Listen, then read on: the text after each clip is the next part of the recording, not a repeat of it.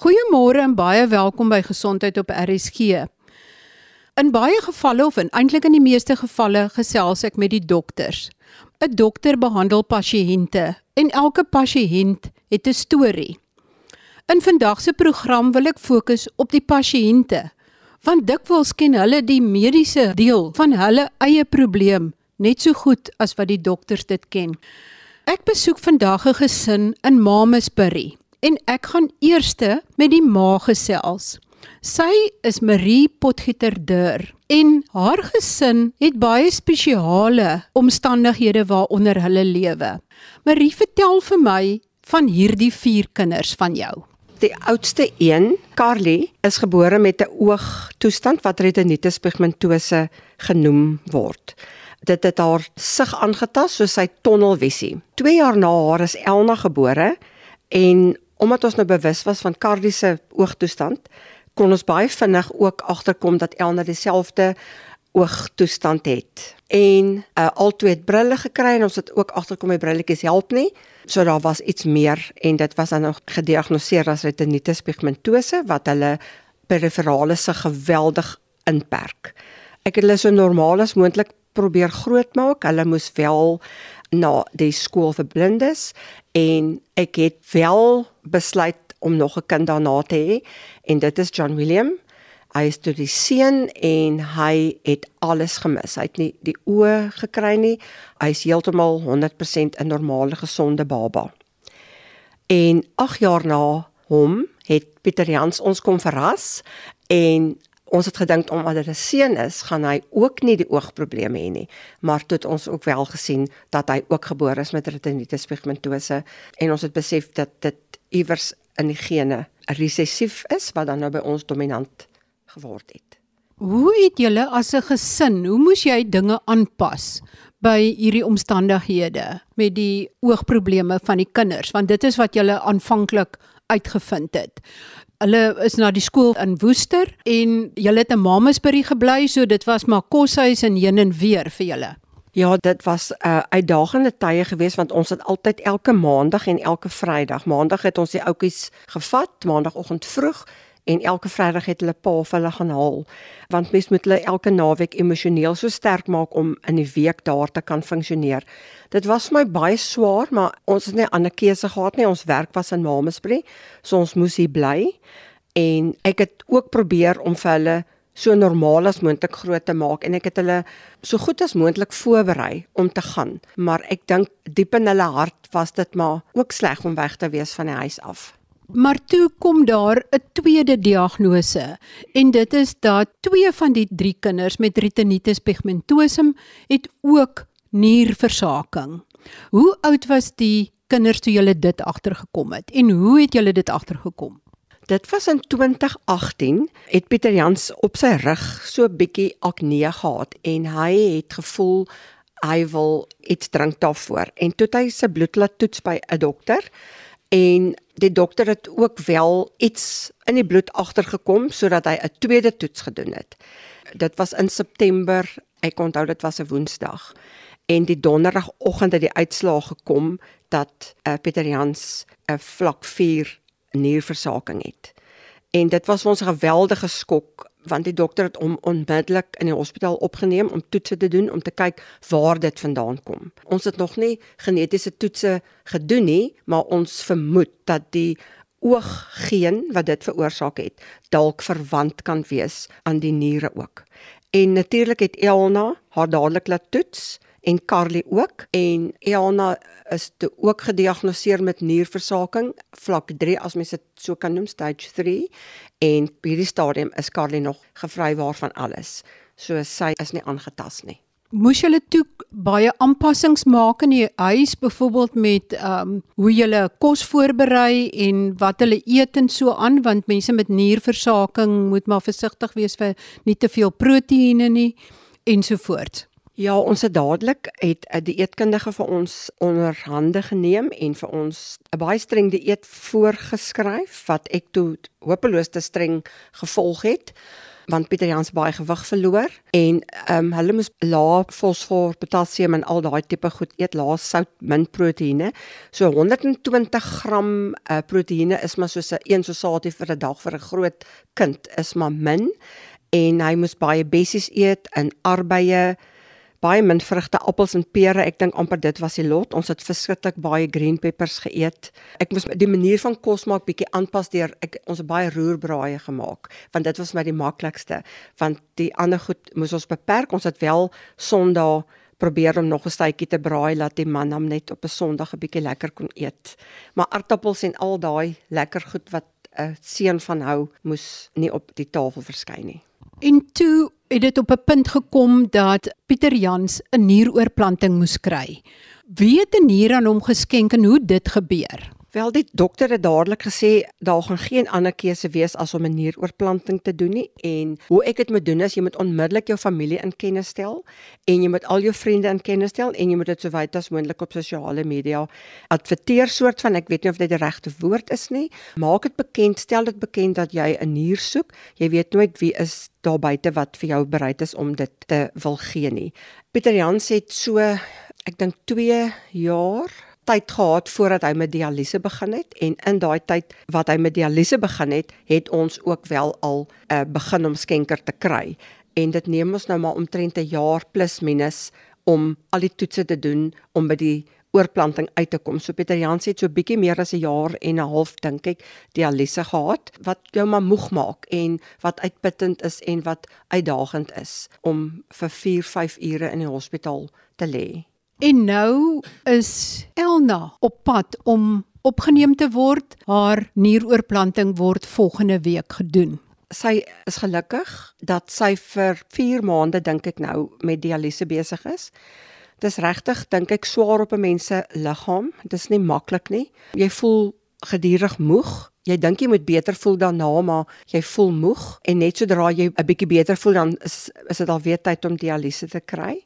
Elna was gelukkig omdat sy ook 'n skenker in Mamesbury gekry het. Inteendeel was dit drie dames wat bereid was om vir haar 'n nier te gee in Mamesbury. Dit was eintlik so wonderlik om dit te kan sê op die lig en hoe 'n ma voel vir ander mense wat bereid is om vir jou kind lewe te gee. Dit is ongelooflik hoe die Here werk die dankbaarheid wat ons het. Ek weet nie eintlik hoe om dit verder te sê nie, maar hulle oorplanting is nou die 14de. Ons sien baie uit daarna dat Elna 'n beter lewe gaan hê, beter kwaliteit en ons is so dankbaar vir Allison wat bereid is om haar happy nuur vir ons te skenk. Is julle as familie ook getoets? Ja, baie het nogal dit gevra vir ons Marie, maar die dokter het van die begin af gesê julle twee is uit want julle is te oud. Oeps. In hierdie hele gesprekke is daar veel meer verweef as net gesiggestremdheid nierversaking en nieroorplantings. Daar is ook inligting oor bipolêre gemoedsversteuring en dan raak ons ook aan boeliegedrag. Ons raak aan die inhoud van die doktoraal wat Elna gedoen het oor die gemoedstoestand van mense wat diere slag. So hierdie gesprek is letterlik multifaktoriaal. En nou gesels ek met Elna wat binnekort dan ook 'n nieroorplanting kry. Elna, vertel vir my toe jy klein was en jy kan nie so goed sien nie. Kan jy onthou van enige persepsies of wat jy gedink het of wat in jou kop aangegaan het? Het jy gedink jy's anders as ander kinders of het jy glad nie daaroor gedink nie? Wat het in jou kop aangegaan? Goeiemôre Marie. Ehm um, dankie dat ek ja vandag hier kan wees en met jou gesels. Vir my dink ek persoonlik was dit nog nooit so groot probleem nie. Ek dink omdat ek so gebore is, het ek dit maar nog net altyd aanvaar. Dit is nou maar net hoe ek is en ek erken niks anders nie, so ek weet nie wat ek mis nie. Maar hoewel nie altyd lekker is nie en ek het geweet ek is anders as ander kinders en ek het geweet hulle kan goed doen wat ek nie kan doen nie wat ek dalk ook sou wou doen. Miskien soos sekere sport te doen of rondhardloop oral as jy nou klein is met jou maatjies. Maar ek weet nie ek het dit nog net altyd aanvaar. Dis vir my okay Was jy die heeltyd in die pionierskool of het jy ook soos Pieter Jans later na 'n hoofstroom skool toe gekom? Nee, ek was daar van graad 1 tot graad 12. Jy het onlangs ten spyte van jou oogprobleme en selfs jou nierprobleme, sê maar 3 jaar terug, het jy jou doktorsgraad ontvang. Vertel net so klein bietjie van daai studie wat jy gedoen het. Ek het altyd op skool vir my ma gesê ek wil eendag 'n dokter wees. Maar ek het nou meer gedink aan soos 'n mediese dokter, maar ek het geweet dit gaan ek nou nie kan word nie. En ek het ook gesê ek stel belang in die brein, die mens se brein. So as ek nou iets soos 'n breinchirurg kon wees of so. Maar toe op die ou end toe besluit ek om sielkunde te gaan studeer. Toe ek nou my honeurs en my M gedoen en toe my PhD en toe op die ou end toe is ek 'n dokter en ek het te doen met mense se breine. Um so op die ou end doen ek wat ek wou gedoen het net op 'n ander manier. My PhD studie het gegaan oor die impak wat die doodmaak van diere het op die emosionele welstand van slagters. So daai slagters wat elke dag duisende diere doodmaak, hoe affekteer dit hulle op 'n emosionele vlak, geestelik, fisies, sosiaal, net hulle welstand? En impakteer dit hulle? Ja, so ek het 'n vergelyking getref tussen gewone slagters en moslim en joodse slagters en veral met die gewone slagters dit affekteer vir hulle baie meer want hulle het nie noodwendig baie goeie coping strategieë nie. So baie van hulle sal om te cope met die invloed van die werk sal dwelms begin gebruik of drank misbruik en dit lei dan tot familie geweld onder vriende want ja hulle sê ja in die begin dis net 'n werk wat jy doen. So baie van hulle sien dit net as 'n werk omdat hulle nie enige ander werk kan kry nie. So dit is hoe hulle dan op die ou en daar opeindig.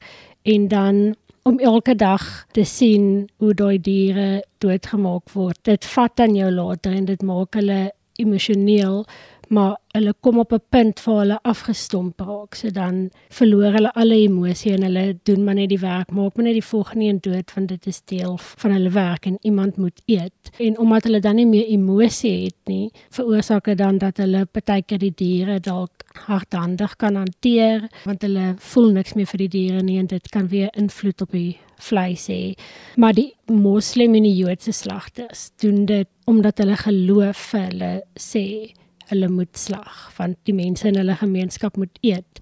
Hulle het ook gesê dat dit vir hulle baie erg is en hulle dink nie hulle sal die werk vir altyd kan doen nie, maar omdat hulle bid vir elke dier wat hulle doodmaak, hulle bid basies die hele dag, help dit hulle en ook omdat hulle weet dit is 'n vereiste, dis 'n commandment van hulle geloof dat hulle dit moet doen. Dit help vir hulle om te cope met die slegte deel van die werk. Soos jy kan hoor, het reeds baie in haar lewe bereik ondanks oogprobleem, maar dan ook 'n nierprobleem. Hoe oud was jy toe julle nierversaking by jou gediagnoseer het? Dit was die dag voor my 30ste verjaarsdag. En hoe lank is jy nou al op nierdialyse? Ek is nou 4 maande. En hoe voel jy terwyl jy op nierdialyse is? En ek bedoel nie nou net terwyl jy gekoppel is aan die dialyse masjien nie, maar dag vir dag.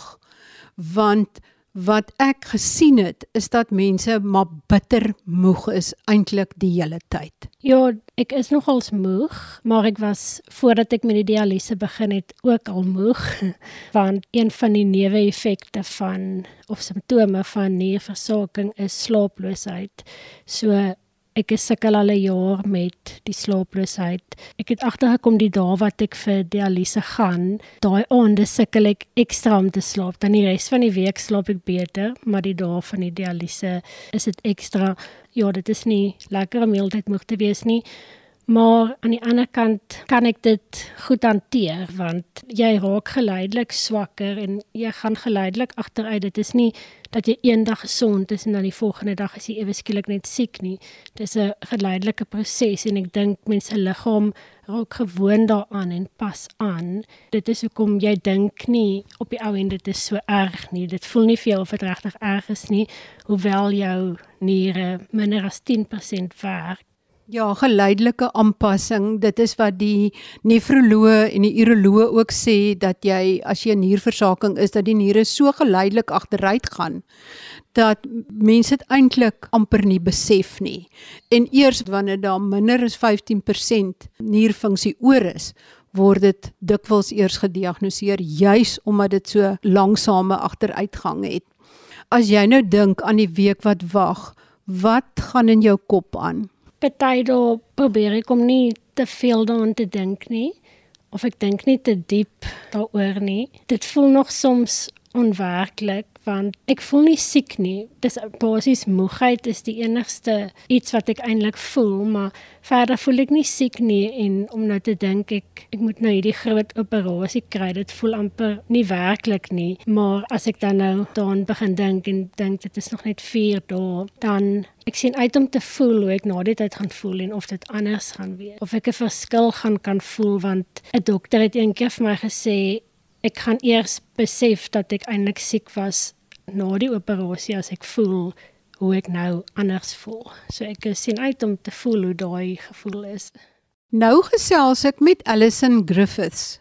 Sy is van Mamasbury en sy gaan haar nier skenk aan Elna. Wat maak dat iemand wat glad nie verwant is aan 'n familie nie, bereid is om haar nier te skenk? Alison, vertel vir my hoe dit gebeur dat jy besluit het dat jy wel 'n kandidaat wil wees om een van jou niere te skenk? Dit is nie iets waar ek gedink het nie, ek het dit nooit oorweeg nie. It, it never crossed my mind. 'n uh, Mamesbury is die tipe dorp wat jy weet van almal, maar jy ken nie noodwendig almal nie. Dis nie huisvriende nie. En ek is um op Facebook en ek lees raak dat Marie 'n post gedoen het skenk 'n nier vir Elna. Ek het geen idee wat dit behels het nie en ek het slegs daar getik vat sy eerste stap en my nommer gelos. Maar het my gebel en sy het gesê wat is jou bloedgroep en ek sê ek het nie die vaagste benul nie. Ek het in die kar geklim, ek is paskeer toe, bloed laat trek, volgende dag uitslaa bel Marie, dis die bloedgroep. Sy sê right, dis 'n match. Volgende stap, DNA tissue matching. Dan gaan ek. En ek het gesê ek gaan aanhou met hierdie pad totdat 'n mediese toets vir my sê nee. En hier sit ons en die oorplanting is Dinsdag. Allison, hulle het 'n fisieke siekte, maar jy sê jy het 'n psigiatriese of 'n kopsiekte. So vertel vir my hoekom dit vir jou so belangrik is dat jy wat die geestesiekte het vir iemand wat 'n fisieke siekte het, so graag wil help. Weet jy Marie, vandat ek gediagnoseer is, het dit in my pad gestaan en mense kan sê ja, jy mag nie diskrimineer nie, maar dit is so. Dit is die waarheid. Ek het gedink vir my wil ek bewys aan die dokters wat my al al die jare behandel dat ek is bipolêr maar nie my organe nie en hulle hanteer mense met diabetes of nierversaking of kanker hanteer hulle accordingly. Nou myne is net so. Ek het medikasie daarvoor. Dis 'n fisiese wanbalans in my brein, so ek wil dieselfde hanteer word. En vir my was dit absoluut, jy gaan nie vir my nee sê nie, want as my fisiese en al my organe is reg en hulle sê my geestestoestand is reg om die besluit te maak, dan was dit nou vir my 'n oorwinning, maar ek sou vir jou sê elke toets was vreesaanjaend. Nie vir pyn of iets nie, maar gaan dit 'n nee wees. So dis 'n groot verligting op 'n emosionele vlak, op 'n geestelike vlak, maar ook op 'n fisiese vlak.